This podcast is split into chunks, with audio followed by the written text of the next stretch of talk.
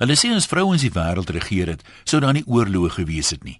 Net 'n klomp jaloerse lande wat nie met mekaar praat nie. Die ou wat dit gesê het, het seker met vrouens probeer spot, sonder om te besef dat dit eintlik baie meer sê van man se vermoë as leiers. Dit gebeur natuurlik gereeld in baie huwelike, present company always excluded of course, dat daar 'n wolkie voor die son van huweliksgeluk inskuif. Dikwels veroorsaak dit dan 'n huweliksverduistering wat soms etlike dae kan duur voordat die interplanetêre verhoudings tussen die inwoners van Venus en Mars weer herstel word. In hierdie duister periode sal mans dikwels huweliksregte onttrek deur 'n vrou die gebruik van sy kredietkaarte ontsê. Hierdie situasie is egter eie aan die delikate verhouding tussen mans en vroue. Altans so het ek gedink.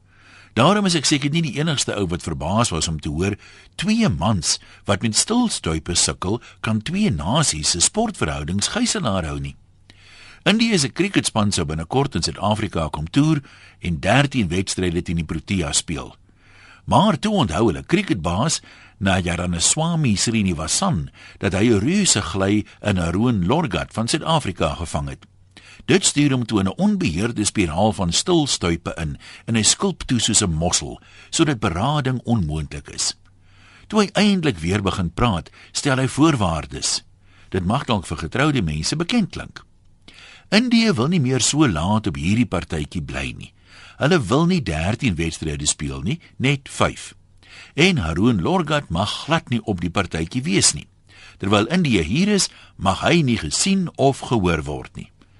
'n Mens kan seker sê Indië het Cricket Suid-Afrika se kredietkaart ook afgevat want die verkorte toer beteken 200 miljoen rand aan verlore inkomste.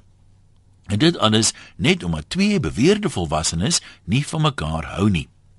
In 'n huwelik gebeur dit soms dat die vrou wie se kredietkaart afgevat is, haar moer strip en haar tasse pak. Maar meer gereeld vreet sy die nonsens maar op, want shame, waarheen sal sy nou gaan? En net nou kry sy niks as sy dalk wil skei nie en 'n vrou sonder geld is mos soos 'n moeder sonder 'n huis. Net so voel Cricket Suid-Afrika blykbaar ook. 'n Paar lede wou glo weier om deur Indië se kinderagtigheid geboelie te word, maar sonder die 200 miljoen sal 'n man dalk vir te lank nie kan mol toe gaan nie. Kom laat ons die hoofde buig. Groete van oor tot oor, anoniem.